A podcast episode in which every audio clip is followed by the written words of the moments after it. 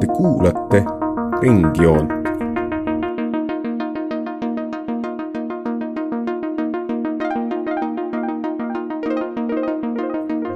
joon ringis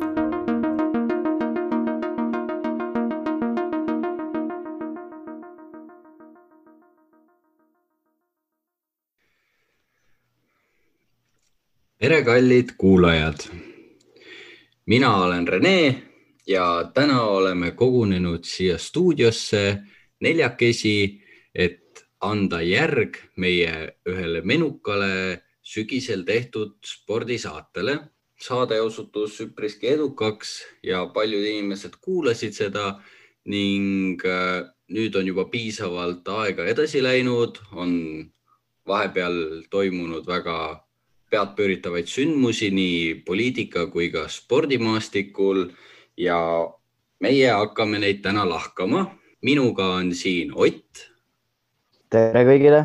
mina olen Ott ja olen lihtsalt spordisõber ja hea meel on siin olla täna. siis on Oliver, kes oli ka eelmises saates. tere kõigile. ja muidugi on meiega ka Birgit tere. ja lähme siis kohe asja kallale. kui me eelmine kord saime pidama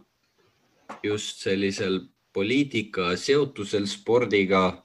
siis äh, täna jätkaksime samal teemal või noh, vähemalt alustaksime sama teemaga. ja esimesena räägiksime võib-olla siis olümpiamängudest. nagu me teame, siis suvel toimuvad äh, Tokyos olümpiamängud, mis äh, lükati edasi pandeemia tõttu. tegelikult pidid need toimuma siis eelmisel suvel, kaks tuhat kakskümmend aastal. ja kahekümne kolmandal juulil saab see suur spordipidustus alguse ja seoses olümpiamängudega on mitmeid äh, otsuseid langetatud. Ja üheks, millest võiks alustada, oleks see, et äh, rahvusvaheline olümpiakomitee ehk ROK andis oma viimasel assambleel selgelt mõista, et suvel toimuvatel Tokyo olümpiamängudel äh, siis ei ole kohta poliitilisel, usulisel ja rassilisel propagandal ja see vihje oli peamiselt suunatud siis äh, mängijatele erinevates maailma liigades üleüldse sportlastele, kes enne mängu või spordisündmuse algust põlvitavad, näitamaks äh, toetust rassismivastasele võitlusele. eriti puudutab see näiteks äh, Ameerika korvpalliliigat NBA-d ja Inglise jalgpalli Premier League'i ning alustakski siis sellega, et kuidas te suhtute sellesse, et olümpiamängudel ei ole lubatud selline solidaarsusakt näitamaks toetust, mis on samal ajal lubatud paralleelselt noh, enne olümpiamänge ja peale olümpiamänge toimuvatel spordiüritustel? ma saan ses suhtes selle olümpiakomitee otsusest päris hästi aru, et, et nagu, nagu sa ka mainisid, siis, siis on erinevates korvpalli ja, ja jalgpalliliigades on, on tavaks äh, tulnud. sa mainisid äh, Premier League'i, Itaalias see niivõrd levinud ei ole, aga Itaalias on ka äh, päris mitme klubi fännidega on olnud probleeme, aga peamiselt ongi need, need radikaalsemad ultrafännigrupid, kes siis äh, selliseid rassistlikke solvanguid äh, teele panevad äh, teiste klubi mängijate suunas. aga, aga ma ütleks siinkohal, et, et ma saan selles mõttes aru, et, et kui, kui tahetakse seda niivõrd suurt sündmust nagu ilma mingisuguste viperusteta korralikult läbi viia, et siis peab paratamatult ütlema lahti mingitest poliitilistest äh, veendumustest, et, et neid demonstratsioone keelata. ma ei näe, et see kuidagi solvav oleks, vaid see on just, aitab spordisündmuse sujumisele puhtalt äh, sportlikust aspektist rohkem kaasa. ma mõnes mõttes nagu nõustun Otiga selle poolest, et, et see jah, võib-olla nagu aitab kuidagi paremini keskenduda, et olümpiale kui sündmusele, et see on nagu noh, sport, et seal mingeid muid aspekte nagu ei oleks. Aga teises mõttes, kas võitlus nagu äh, rassismi vastu, kas seda kuidagi nimetada poliitiliseks ähm,? noh, mulle tundub, et see võib-olla on noh, kuidagi äh, ta pole nagu ainult poliitika, ta on nagu äh, inimõigused, ta on äh, noh, et selle puhul kuidagi nagu teha erand. aga ma arvan, et ma ka siin nagu ikkagi pigem kaldun selle poole, et, et noh, et võis teha selle otsuse, et, et äh, mitte siis äh, äh lasta teha neid asju. Ma tooks siin puhul välja ka mm, sellise nüansi võib-olla, et kui jalgpalli, ütleme mm, suurtemate liigade otsustavaid kohtumisi või jalgpalli Champions League'i finaali või Ameerika jalg, jalgpalli, korvpalli, pesapalli liigade finaale vaatab, ütleme miljon inimest või paar miljonit, et olümpia on vaadatuim spordisündmus maailmas, sest äh, olümpiamängudel enamasti osaleb alati igast riigist vähemalt üks sportlane. seega ta teeb selle sündmuse palju rahvusvahelisemaks, kuivõrd ei pruugi nii paljud inimesed näiteks vaadata mingeid kindla spordiala sündmusi. ja selle tulemusena on ka esindatud rohkemate inimeste vaated ja mõtted ja tekibki see punkt, et kuna kandepind on nii lai või niivõrd suur, siis kas just õigem taktika on mitte lasta sportlastel nii-öelda näidata oma toetust või, või anda neile nii-öelda võimalus äh, näidata välja solidaarsust kellegi suhtes või suunas või just on see teistpidi, et ei taheta, et näiteks mõndasid riike, rahvuseid, inimesi puudutaks see liiga tugevalt või tekitaks suurt vastukaja, et algaks äh, umbes selline boikoteerimine olümpiamängudele, et mõned riigid teatavad mitteosalemisest, kuna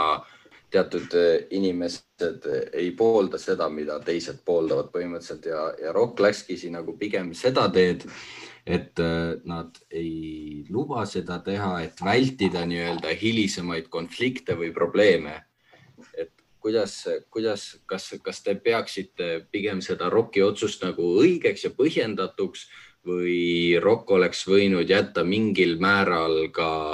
nii-öelda liikumisruumi siin sportlastele kui individuaalsetele isikutele, sest noh, olümpiamängud on siiski tegelikult peamiselt sportlaste see üks võimalus üle nelja aasta tulla nii-öelda maailma tippu ja näidata ennast. no siinkohal ma küsiks, et kas keegi saaks mulle tuua näited, et kus mingil, mingitel olümpiamängudel mingi rahvus on või mingi sportlane on toonud mingisuguse rahvusvahelise probleemi äh, lahendamiseks tähelepanu. et nagu mul endal ei löönud praegu üldse pähe niisugust hetke, et minu meelest olümpiamängudel ongi just nagu niisugune, niisugune härrasmehelikum see käitumine olnud, et pigem just tullaksegi võistlema ja tullaksegi mõõtu võtma, mitte ei tulda selliseid sotsiaalseid probleeme lahendama, nagu näiteks Kaepernick äh, lahendas siin seda Black Lives Matteri asja. siin tulebki nagu minu arust natuke mängu see, et, et äh, ajad on erinevad, et, et kindlasti seitsmekümnendatel olümpiamängudel äh, ei olnud ka mõeldav selline asi, et, et siis oli nagu kategooriliselt keelatud ja minu teada isegi mingid teatud sportlased said, said keelu või visati siis olümpiamängudelt välja vist seitsmekümne teisel aastal Müncheni olümpiamängudel. et, et ajad on erinevad, et ma saan inimlikust vaatepunktist nagu väga hästi aru, miks, miks võib-olla tahetakse sellisel suure tähelepanuga üritusel ähm, selliseid äh, siis noh, ühiskonna tasandi probleeme nagu kuidagi valgust sellele tuua. Aga samas ma arvan, et, et kui laiendada, siis, siis nagu seda, seda reeglit niimoodi, et, et lubataksegi näiteks rassismivastases võitluses äh, mingisuguseid poliitilisi žeste, sõnavõtte teha, et siis siis seal tekib nagu kuidagi topeltstandard, et kas siis ei lasta nagu teiste disk, diskrimineerimist hõlmavate teemadele valgust tuua, et, et seal tulebki see, see nagu mängu, et kui lubatakse ühte, et siis peaks nagu kõike lubama, aga et, see võib, võib siis viia selleni, et olümpiamängudel läheb asi natuke liiga poliitiliseks, et minu silmis need olümpiasportlased, kuna olümpiamängud ongi niisugune kõige, kõige hiilgavam spordiüritus maailmas, kus, kus tulemuse saamine on, on väga-väga suur asi nii riikide kui ka sportlaste enda jaoks, et, et nad nagu kannavad endas edasi seda sportlase ideaali, et, et nad on solidaarsed ja neutraalsed ja rahu armastavad, et see võib äh, kaotada selle spordi aspekti sealt olümpiamängudest nagu või viia seda kuidagi tahaplaanile. Ja ma siinkohal isegi nõustun, mu nagu võib-olla mõte oli pigem see, et ma arvan, et on mingisugune vahe sellel, kas nüüd mingisugune sportlane jalutab sinna areenile näiteks nagu mingi magamütsiga või on äh, nagu teine asi see, kui ta toob tähelepanu millelegi niivõrd uni, universaalsele, sellele noh, rassismi aspekti,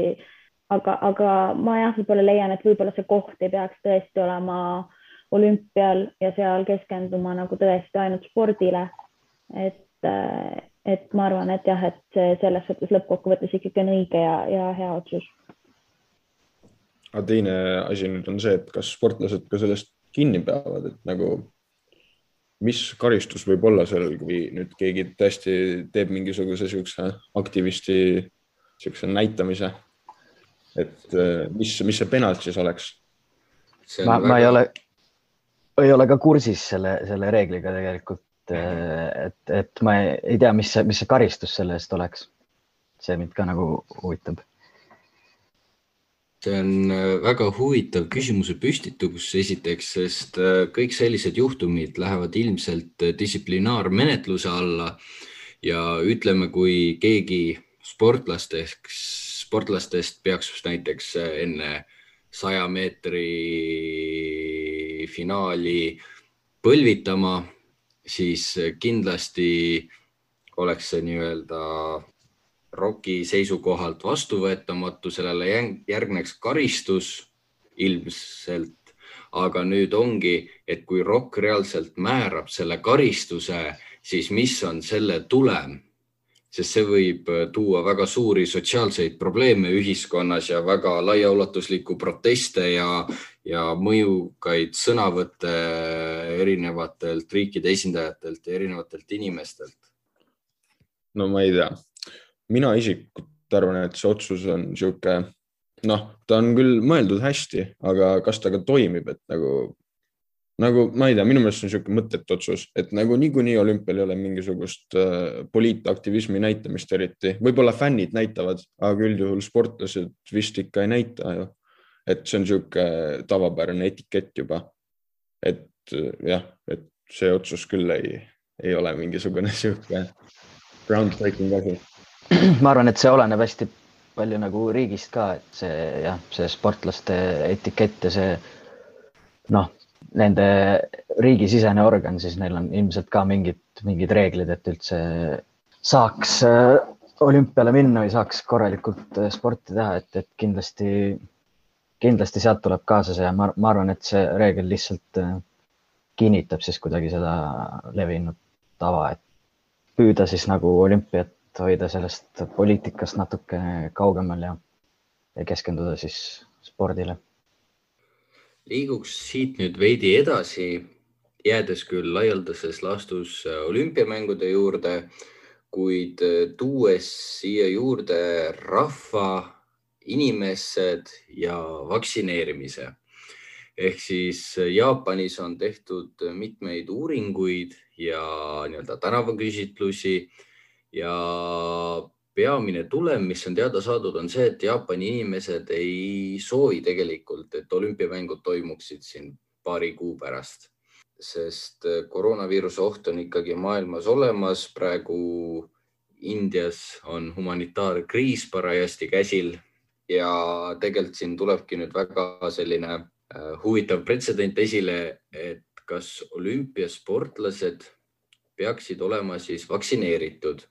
kas sportlasel, kes täidab olümpianormi, kuid ei oma koroonaviiruse vastast vaktsiini, kas temal on õigust äh, siis osaleda või kas saab peatada sportlast või keelata tal osalemast olümpiamängudel, kui ta pole vaktsiin, vaktsineeritud. ja see on väga huvitav ka selles aspektis, et vaktsineerimine ei ole kohustuslik minu teada kuskil maailmas, et äh, nagu me teame möödunud aastatest, kuidas erinevaid jalgpalli ja korvpalliliigasid lõpetati nii-öelda mullides, et võistkonnad kogunesid näiteks ühte hotelli või mõnele suurele alale ja siis mängisid nii-öelda isoleeritult liigamängud lõpuni. olümpiamängudega seda plaanis ei ole. ainuke nii-öelda vastutusmeede, mis Jaapan on praeguseni kasutusele võtnud, et kõikidele sportlastele äh, tehakse pidevalt koroonateste, kui ma õigesti mäletan, on see nelja päeva tagant pead andma testi ja kõik, kes osutuvad positiivseteks, viiakse isolatsiooni kuskile kõrvalseisvasse hotelli. ja mul ongi nüüd kaks küsimust keerleb peas, mille üle võiksime arutada, et esiteks, kas sportlasel, kes osutub positiivseks võistluse keskel, kas temal on õigus siis äh, pretendeerida oma kohale, näiteks kui ta on välja teeninud finaalikoha ja kas vaktsineerimata sportlased äh, peaksid saama olümpial osaleda?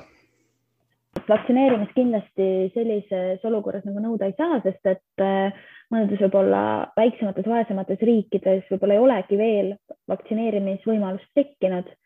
Äh, et noh, selles suhtes kasvõi sellise asja pärast, kui nüüd olümpiakorraldajad ise tagavad need vaktsiinid siis äh, juba saab nagu natuke rohkem sellest rääkida, samas ma arvan, et ikkagi vaktsiini nõuda äh, nii nagu erineva taustaga inimestelt äh, ei ole õige, et selles suhtes, et kui poliitika ei tohi olümpiamängudel vahele tulla, siis ka mingid uskumused, see ise noh, enda nagu tervise autonoomsus,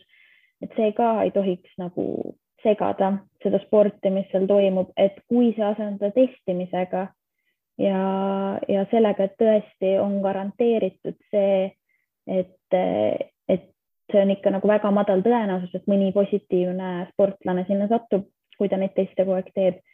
siis ma arvan, see testide variant on, on parem. Ja ma arvan, et isegi vaktsineeritud sportlasi tuleb testida, sest et äh, see vaktsiini täpne toime selles suhtes, kui palju ta näiteks seda kandlust ja seda takistab, et see ei ole veel ka kindel, ehk siis testimine, ma arvan, kindlasti on selle nagu eduka toimimise alus. ja selle poole pealt, et kas äh, positiivse testi andnud sportlane võib noh, nõuda siis seda finaali kohta, siis selles suhtes, et kui sa oled sportlane, kes äh, poolfinaalis jala välja väänab ja siis nõuab seda finaali kohta, siis noh, sa ei saa, et see on tekkinud haigus, et noh, ei vedanud seekord. et mina arvan, et mingit nagu õigust kuidagi nõuda äh, nagu ei, ei, ei peaks olema. et ma olen äh, Birgiti seisukohaga nõus, et, et minu teada on see olümpiakomitee teinud ka siis äh, andnud välja sellise äh, raamistiku, et, et mis, kuidas need olümpiamängud siis noh, turvaliseks teha et, et minu arvates see vaktsiin isegi nagu ei, ei mängi siin rolli, et peamine, peamine meede, kuidas siis seda levikut ja, ja haiguste tekkimist piirata, on, ongi mainitud seal testimist, et see vaktsiin ei ole kah, kuigi ma ei ole mingi tervishoiuspetsialist, ma ei tea, kui, kui hästi need vaktsiinid toimivad, siis seda ei saa nagu aluseks võtta, et need negatiivsed testid peavadki, peavadki selle alus olema ja minu teada Äh, peavad kõik sportlased siis üheksakümmend kuus tundi enne, enne olümpiamängudele minemist tegema kaks testi. ja siis äh, selle isolatsiooniperioodi ajal, mis nad siis Jaapanisse jõudes peavad läbima, selle, selle ajal neid äh, ka iga päev testitakse. et, et see vaktsiinide nõudmine on selle koha pealt minu arvates natuke mõttetu, et, et kui, kui sul ongi need testid ja, ja inimesel noh, on sportlane, aga ei ole vaktsineeritud, aga negatiivsed testid noh, inimesed on läbinud siis nagu võistluste algamise hetkeks, ma arvan, et kümneid teste, et siis see ongi see nagu meede, mis ja, ja lähenemine, mis olümpiakomitee on võtnud. ja ma olen ka selle koha pealt Birgitiga tegelikult nõus, et, et seda finaali kohta nõuda, kui sa oled äh, ikkagi kuidagi nakatunud koroonaviirusega, et, et ma võrdlekski seda haigust siis vigastusega. et kui, kui oledki haige, siis noh, see on põhimõtteliselt nagu vigastus ja looduse ja tuule vastu ei saa puhuda, et, et siis nii on. ma teeks siia ühe nii-öelda oponeeriks teie seisukohale, et ütleme jah, võrreldes vigastusega, see on täiesti mõistetav, et kui ma väänan välja oma jala või, või põlvesidemed lähevad katki või venivad, et siis noh, see on nagu väga tugev füüsiline põhjus, aga ütleme, kui koroonaviirusest sa ikkagi saad äh, võitu selle isolatsiooniperioodi põhjal, noh, ütleme kuue päevaga, kui teed kaks testi, siis äh, tegelikult või noh, vähemalt minu silmis see ei takista niivõrd suurel määral, kui takistaks mõni füüsiline vigastus. Seal pigem tekib see probleem minu silmis just austustest nagu austusest vastaste vastu ja kaasvõistlejate ees? no ma ikkagi jääks oma selle seisukoha juurde, et noh, ilmselgelt see, see koroonaviirus ei ole võib-olla nii suur füüsiline vigastus või jah, haigus, kui, kui on näiteks mingi jalaluumurd või põlvesidemete rebend. Aga, aga siiski noh, kuue päevaga koroonahaigest Äh, ikkagi nagu tervet inimest ma ei tea, kas saab, et kui, kui seal on mingi võimalus, et noh, nädala jooksul talle tehakse mit, mitu testi ja, ja kõik on negatiivsed, et siis, siis see on olümpiakomitee otsustada, et kas, kas ta võib võistelda, aga, aga ma siiski arvan, et, et kui seal on nagu oht teistele edasi kanda seda viirust, et siis see ei ole ka nagu teiste sportlaste suhtes päris aus, et nemad siis nagu ohuolukorda panna, sest see, see viirus avaldubki inimestel erinevalt, et kui, kui mõni võib-olla sportlane saab selle ja nädalaga on terve ja ei ole mingit suurt füüsilist nagu tagajärge sellele, et siis, siis mõnel sportlasel võib see tuua kaasa eluohtliku olukorra, et mina näen asja nagu niimoodi. ma lisaks küll, et see Ott tõi välja, et see koroonaviirus, et seda saaks nagu võrdsustada noh, saakski võrdsustada füüsilise vigastusega, et ma oleks sellega absoluutselt nõus. et just hiljuti ma mäletan, ma lugesin, et äh, UFC-s mingi vend sai koroonaviiruse ja nagu muidu oled tippatleet, aga äh, see viirus võttis mehe lihtsalt nii jalust maha, et ta ei saanud äh, ei edasi ega tagasi, et ma ei usu ka, et kui nüüd koroonaviirusega olümpiasportlane äh, läheb siis äh, kuus päeva pärast haiguse läbipõdemist uuesti areenile, siis ta tulemused on kindlasti palju halvemad, kui need oleks varem olnud. ma, ma, ma täiesti tegelikult mõistan teie seisukohta ja, ja ma, ma loodan või mõtlen, et kõige mm, õigem, olenemata siis, mis see otsus on, ega ilmselt ei lastakski neid sportlaseid võistlema, aga ma tahaks loota, et see suhtumine või, või suunitlus on selline, et kõigisse suhtutakse võrdselt et kui näiteks ühelt inimeselt võetakse nii-öelda osalemine ära, kuna ta on nakatunud, et siis seda rakendatakse samamoodi kõikide teiste spordialadele. ütleme, et näiteks mõnes tiimis, korvpallitiimis või jalgpallimeeskonnas on see üks positiivne, siis kõik lähevad isolatsiooni. aga näiteks kui vaadata mingit, ütleme kajakisõitu, kus tegelikult inimene on üksinda paadis ja temaga ei puutu keegi kokku selle raja vältel, kui ta tuleb mööda vett alla. et, et siis ei teki, ei, ei tekiks seda momenti, kui oleks mingid erireeglid või erivõimalused erialasportlastele, sest see tekitaks nagu seda ebavõrdsust. ma usun, et nad pigem lähenevad ka sellele üpris pigem selliselt väga ühemeelselt ja konservatiivselt, et, et kui ühega käitutakse nii, siis käitutakse kõigiga, sest hilisemalt võib tulla sellest probleeme ja erinevaid vaidlustusi alaliitude poolt ma arvan, see on neil nii plaaniski on, ma küll tõesti ei ole kunagi olümpial kajakis sõitu vaadanud, aga ma millegipärast arvan, et isegi ka sellistel aladel, kus inimene on nagu täiesti üksi, et tal kasvõi sinna jõudmisega, äh, seal mingite teekonna läbimisega siis selle stardini, et seal ikkagi kokkupuudet ja kokkupuudet pindadega ja seejärel kõik igasugused puhastused ja ja selle tagamine ikkagi, ma arvan, et ei ole võimalik, et selles suhtes ma arvan, et äh, see positiivse testi andnud äh, sportlane ikkagi nagu noh, suhteliselt kindlalt ükskõik mis alal nagu ei, ei saa osaleda. ja olles veel olümpialainel, siis äh, tooks välja siin sellise riigi nagu on Venemaa. et teatavasti Venemaa siin hiljaaegu toimetas aktiivselt Ukraina piiri ääres ja pidas äh, väga suuri õppusi, mida võis tõlgendada või peakski tõlgendama päris jõulise demonstratsioonina, äh, arvestades seda olukorda, mis on Ida-Ukrainas ja Krimmi poolsaarel viimaste aastate jooksul kätkenud. ja tegelikult on ju nii, et maailma antidopingu agentuur äh, keelas kaks aastat tagasi Venemaa sportlastel suurvõistlustel siis äh, enda Venemaa lipu all osalemise ja see keeld kehtib kuni kaks tuhat kakskümmend kaks aastani ehk järgmise aastani ja selle tulemusena ei tohi Tokyo olümpiamängudel, mis nüüd eesoleval suvel toimuvad, Venemaa äh, esindajad siis enda lipu all võistelda. seda ilmestab ka fakt, et äh, praegu Poolas toimuval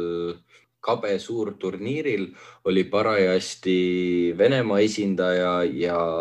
Poola esindaja vaheline mäng, kui keset mängu siis võistluse korraldajad läksid, võtsid laua pealt ära Vene lipu ja eemaldasid ka mängija nimesildi, kus oli siis äh, Vene, Vene trikoloor peal. Venemaa esindajad, spordiminister peavad seda pigem küll formaalsuseks, kuid äh, millised on teie seisukohad selles suhtes, et kas see on pigem formaalsus kas see on Euroopa siis nii-öelda jõustruktuuride vastukäik Venemaale, kas see on tehtud meelega, et nii-öelda Venemaa sportlasid veidi mõjutada enne olümpiat, kuigi dopingujuhtumeid on Venemaal olnud ennegi?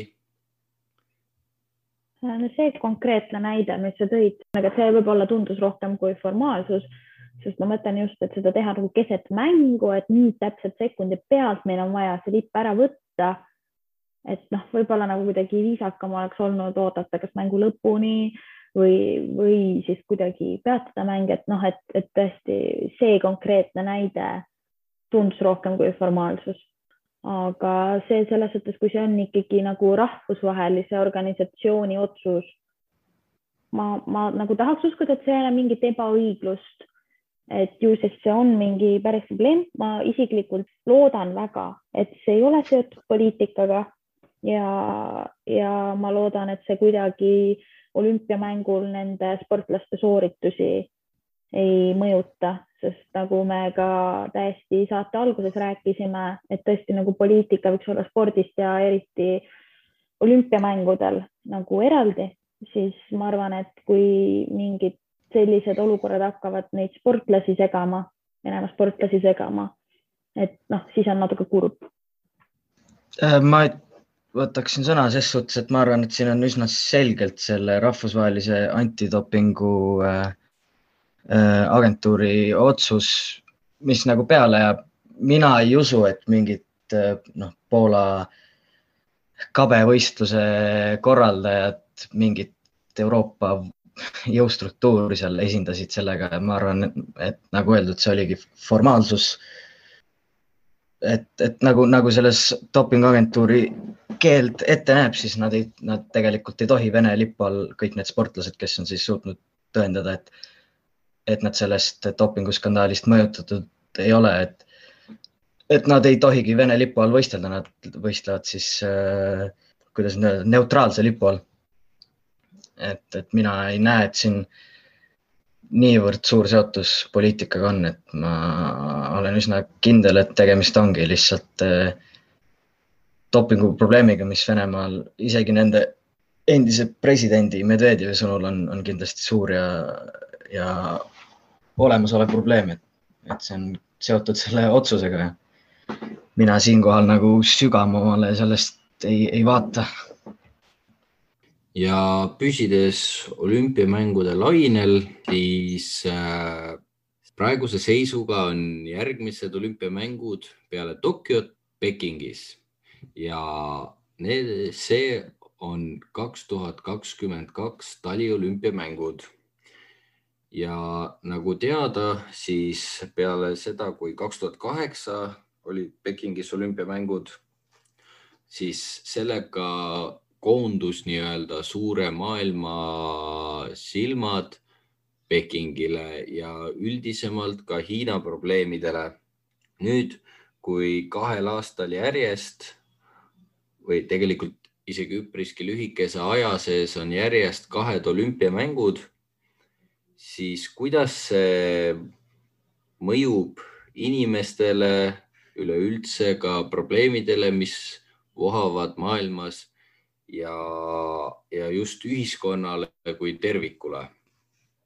minu, minu silmis on praeguste olümpiamängudega see nüanss, et, et nende toimumine kas siis Tokyos või, või Pekingis, see sümboliseeriks nagu tagasitulekut sellest äh, piiratud äh, elust pandeemiaga ja, ja, ja nagu tagasitulekut sellest majanduslangusest, et, et ma usun, et Jaapanil või mis iganes riigil, mis, mis seda olümpiamängu korraldaks, oleks, oleks väga, väga meelepärane seda tiitlit endale saada. et oleks niisugune tuhast tõusmine just nende, nende riigis korraldatud võistlusel. aga et kui, kui peakski need Tokyo olümpiamängud siis ära jääma, ega neid kuskile edasi lükata enam ei ole, sest uued mängud tulevad peale, et siis ma, ma usun, et Hiinale kahekümne teise aasta talviste Pekingi olümpiamängudega oleks oleks väga meelepärane see tiitel uuesti endale saada, et riik, mis on olnud nagu selle viiruse lähteriigina halvas valguses, satub uuesti positiivsesse valgusesse. noh, Jaapani jaoks on kindlasti see olümpiamängude korraldamine tähtis selle poolest, et tooks nad uuesti kaardile, arvestades, et te tehnoloogia valdkonna arengud ja, ja hiilgus ei ole enam nii silmapaistev, kui, kui kunagi oli, et nad ei ole enam maailma mõistes nii, nii silmapaistvad. aga, aga minul isiklikult võib-olla on natuke äh, raske näha seda seost, et kuidas olümpiamängud aitaksid neid majanduslikke eesmärke Jaapanil täita. et eriti arvestades, et seda olümpiaturismi nii suurel määral ei, ei ole, sest väljaspoolt Jaapanit pealtvaatajaid tegelikult äh, ei lubata et mul, mul on tunne, et seda sellise sporditurismiga saavutada on raske. ja, ja mulle tundub, et pigem riikidele meeldib rohkem see mõte, et neil, neil on, mida saada sellest olümpiamängude korraldamisest. aga need positiivsed majanduslikud mõjud on võib-olla küsitavad, et see nagu kaugeneb natuke spordist, see on rohkem niisugune majanduslik ja, ja poliitiline taust sellele. noh, et kui, kui rääkida olümpiamängudest, siis selgelt on tegemist sellise äh, maailma mastaabis üritusega. ja, ja selle korraldamine hõlmab peaaegu terve riigi olulist panust, et, et äh, see olümpiamängude mõju on, on tegelikult üsnagi suur, eriti näiteks väiksematele riikidele, kellel on rahvuslik au mängus, kes ei ole kunagi olümpiamängudel medalit võitnud, et see on nende nende võimalus. et see on kuidagi metafooriliselt väljendudes siis niisugune lootuskiir ja, ja kui, kui need olümpiamängud peaksid ära jääma, et siis on jälle kuidagi lootuse kadumine. et see on, see on reaalne variant selliste väiksemate riikide jaoks. et siin saab näiteks tuua noh, paralleele jalgpalliga, ma hiljuti vaatasin ühte dokumentaali ühest Inglismaa jalgpalliklubist Sunderland, AFC ja, ja selles noh, südamlikus äh, dokumentaalsarjas tegelikult sai inimeste sõnavõttudest ja, ja kaadritest sai, sai aru, kui, kuivõrd palju tähendab nende inimeste jaoks äh, sport ja jalgpall.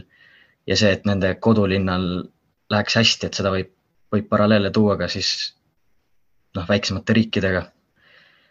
et, et see võibki olla paljude inimeste jaoks väljapääs trööstitust igapäevaelust ja et see mittetoimumine või siis, või siis halvasti minemine võib kuidagi ühiskonnale halba, halba mõju avaldada. et ma arvan, et selle, selle koha pealt on ka nende olümpiamängude toimumine küllaltki oluline. ja kui veidi nüüd tulla ära olümpiarongi pealt, siis äh, paar nädalat tagasi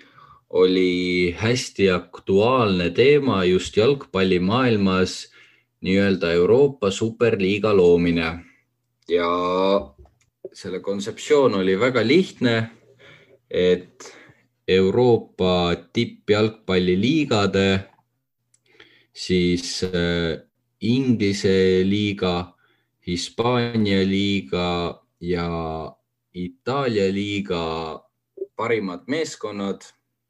täpsemalt kaksteist võistkonda, asutavad nii-öelda üle-euroopalise enda liiga. et nad loobuvad kodumaiste liigade mängimisest ja mängivad omavahel ainult nii-öelda eliitvõistkondade mänge ja see tegelikult ei kestnud väga kaua Äh, sellepärast et üle kogu maailma oli sellele väga vihane ja kuri tagasiside. kuid, kuid ametlikku lõppu pole ka nagu see projekt veel saanud. ja selle projekti üks eestvedaja, ka ühe osalemisklubi Real Madridi president Florentino Perez ütles, et see projekt on siis nii-öelda vajalik, et turgutada esiteks kõikide nende võistkondade majandust ja majanduslikku seisu ja üleüldse muuta nii-öelda maailma ja Euroopa tippjalgpalli atraktiivsemaks fännidele. mu mõte ongi, et kuidas, kuidas te suhtute sellesse, et nii-öelda rebitakse kodumaistest liigadest välja, et teha üks superliiga, kuigi meil on olemas selline formaat nagu on Champions League, kus riikide parimad võistkonnad osalevad alagrupi turniiril ja siis selgitavad välja nii-öelda Euroopa tippude tipu ja need võistkonnad, kes ei mahu sinna tippude jalgpalli alagrupi turniirile, need saavad mängida ka sellist formaati, mis on Euroopa liiga, mis on nii-öelda vähem prestiižikamate kui ka väga tugevate võistkondadega jalgpalliliiga. ja loomulikult sai see superliiga väga tugevat äh, vastukaja ka jalgpalliorganisatsioonidelt nagu UEFA ja FIFA ja lubati, et kõik mängijad, kes otsustavad ühineda superliigaga, ei tohi näiteks ehi-, esindada oma riigikoondist äh, maailmameistrivõistlustel või Euroopa meistrivõistlustel või üleüldse rahvusvahelistel võistlustel? ma võin siin sõna võtta, et lühidalt ja konkreetselt minu arust väga-väga-väga halb mõte, väga halb mõte minu jaoks tapab jalgpalli võlu ära. et noh, kui sa annad viieteistkümnele suurklubile noh, niisuguse püsiva koha niisugusel, niisugusel turniiril, siis, siis see võtab igasuguse pinge ja, ja nagu romantsi minu arust jalgpallist ära, et see Euroopa jalgpalli südamik nagu purustatakse lihtsalt. ja, ja see, see minu, minu jaoks ongi see niisuguste suurte rikaste inimeste mingi utoopiline plaan lihtsalt rohkem käivet tekitada. et see on niisugune globaliseerumise märk ja, ja minu jaoks on, on jälestusväärne sellise, sellise asja, sellise ettepaneku tegemine üldse. et kui sa, kui sa annad neil sellistele suurtele klubile veel peaaegu piiramatud ressursid, rahalised ressursid mängijate ostmiseks, siis see võtab igasuguse võimaluse mingil väiksemal klubil mingisugust edulugu endale teha, võtab igasuguse niisuguse võimaluse ära. Et hea, hea näide siin oleks, oleks äh, Leicester City, kes äh, kaks tuhat viisteist, kuusteist hooajal võitis äh, Inglismaa Premier League'i niimoodi, et nad olid eelmisel aastal tõusnud siis esiliigast. et see on niisugune hästi-hästi ainulaadne ja väga-väga väga-väga huvitav hooaeg oli minu jaoks vaadata seda, kuidas täielik sihuke, inglise keeles öeldakse selle kohta underdog, et sihuke klubi, kes keegi ei arvanud, et, et suudab midagi sihukest teha. ja, ja, ja suutsid äh, Euroopa tipp, tippklubisi võita ja, ja võita ka terve liiga, et see väga-väga sihuke romantiline ja, ja hästi, hästi lahe lugu, et, et kui, kui nüüd tekiks see mingi Euroopa superliiga, siis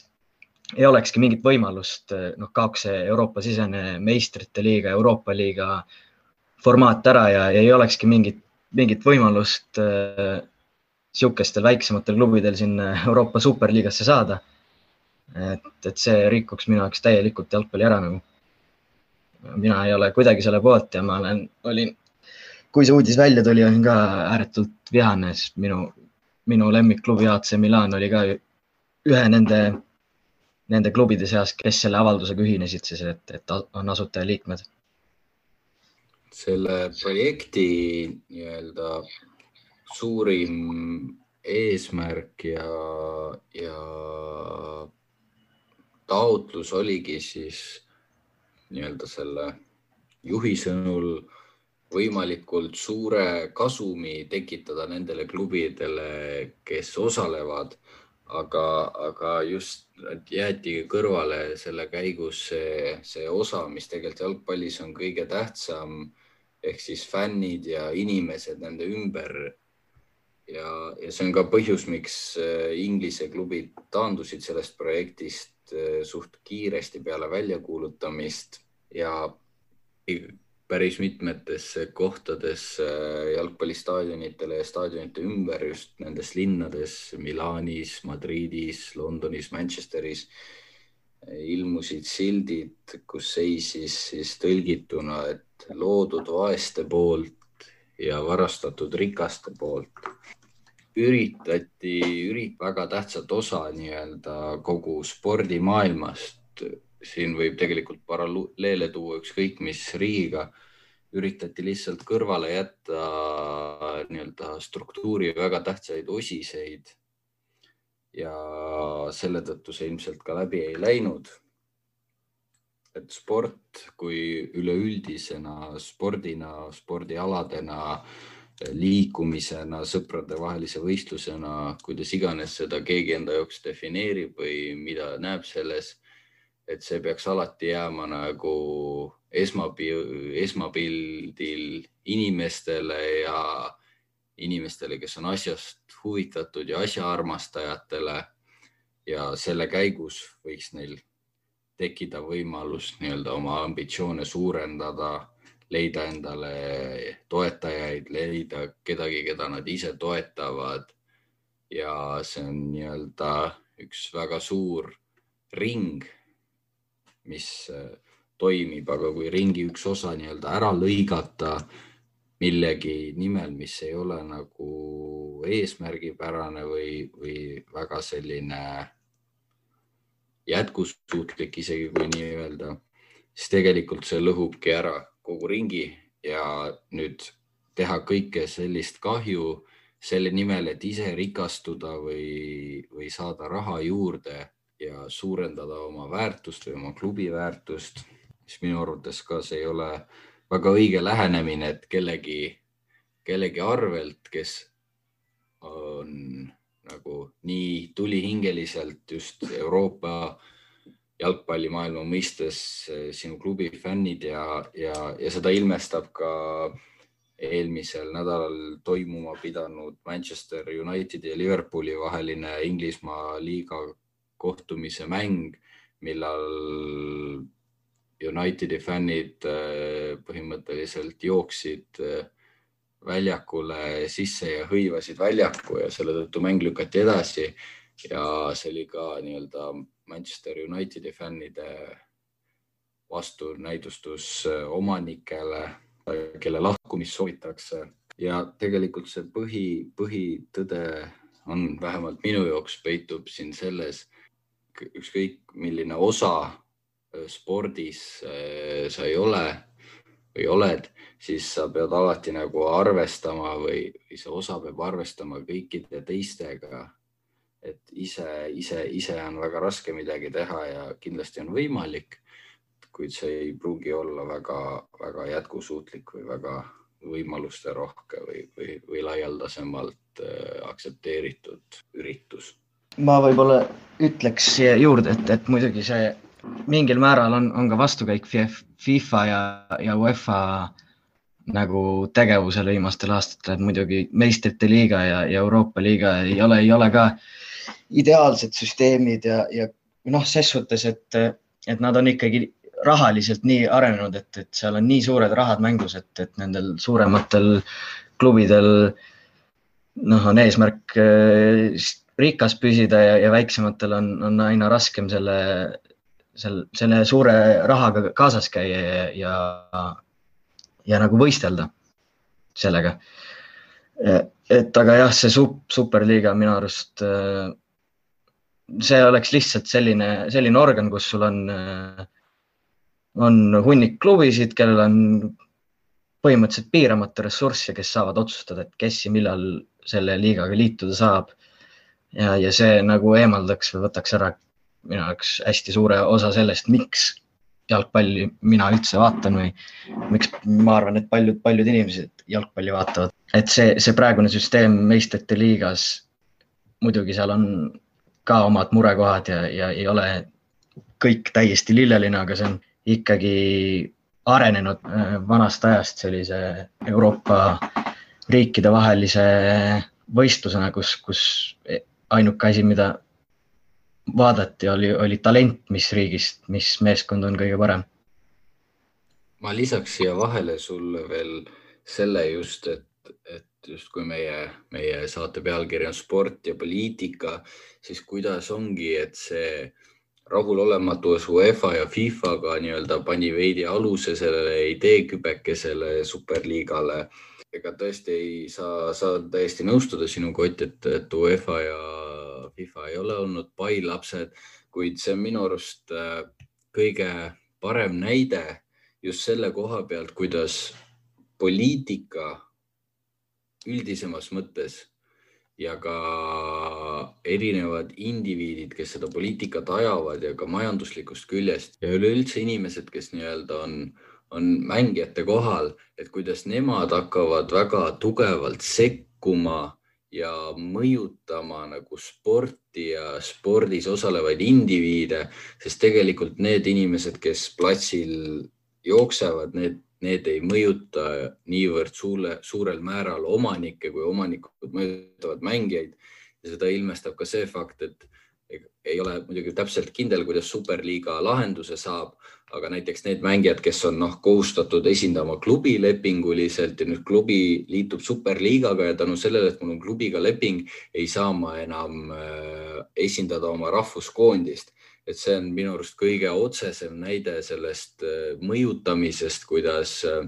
ütleme, minu kui sportlase ellu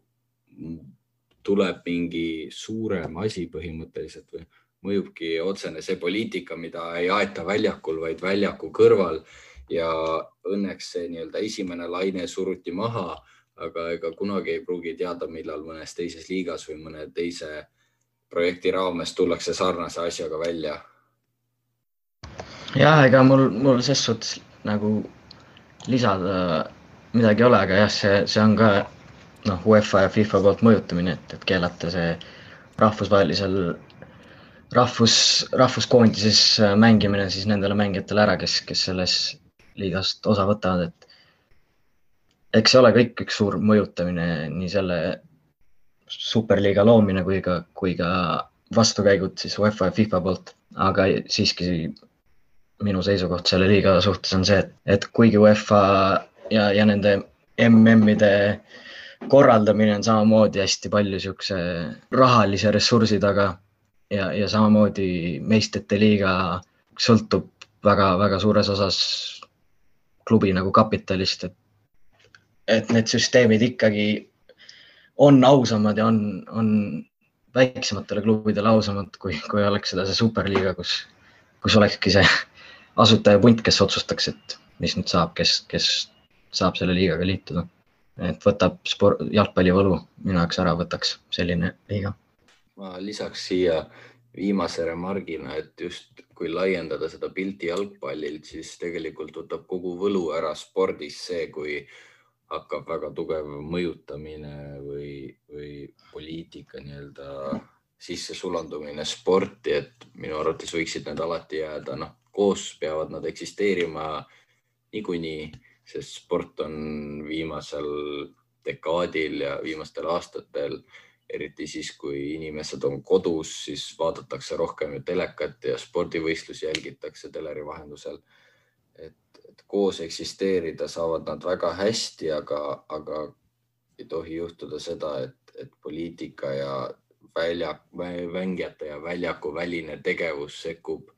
nii palju sellesse, mis toimub väljakul, et need kaks asja peaksid jääma ikkagi minu arvates eraldi. Ja kindlasti võiksid eraldi jääda, ma arvan, et eriti Äh, jalgpallis on väga palju neid näiteid, ma mäletan eelmises äh, spordisaates, siis seal näiteks rääkisime äh, Mesut Özilist ja eks neid näiteid on nagu teisigi, et see on lihtsalt väga kurb, kui sportlase, tema karjääri hakkab poliitika või, või noh, mingid muud faktorid peale nagu spordi. Ja ma arvan, et sellega ongi siin mõistlik tõmmata meie sellele osale joon alla. kunagi ei tea, võib-olla juba sügisel saab meie punt uuesti kokku ja teeme jätkusaate sellele peale olümpiamänge ja peale muid sündmusi. oli väga tore arutleda teiega nendel teemadel. ning peatse kohtumiseni kõigiga. Mina tahaks ka tänada, et, et sain siin saates osaleda, oli, oli väga huvitav kuulata teiste inimese seisukohti ja, ja arutleda spordile, eriti praegusel ajal, kus, kus võib-olla sporti niivõrd palju ei ole saanud teha, kui, kui tahaks. et, et hea on, hea on rääkida nendest asjadest ja tänan omalt poolt ka kuulamast